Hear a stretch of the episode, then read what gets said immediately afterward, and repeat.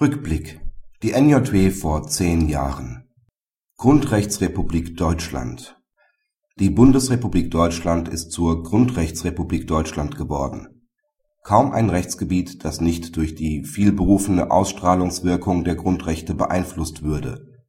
Kaum ein Anwalt oder Richter, der nicht gezwungen wäre, die Grundrechte bei der Lösung alltäglicher Miet Beleidigungs Familien oder Strafrechtsfälle mit sich zu führen.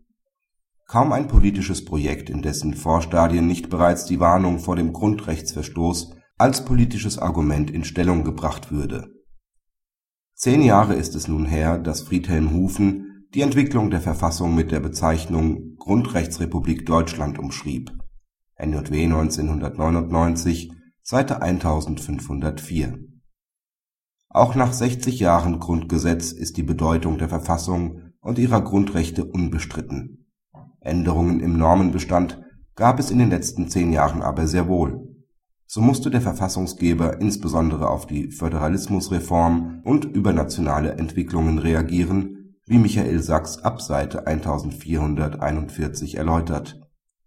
Wie das Grundgesetz wohl in einigen Jahren aussieht, ob die aktuelle Finanzmarktkrise gravierende Änderungen zur Folge haben wird? In der NJW Seite 2019 gibt es die Antwort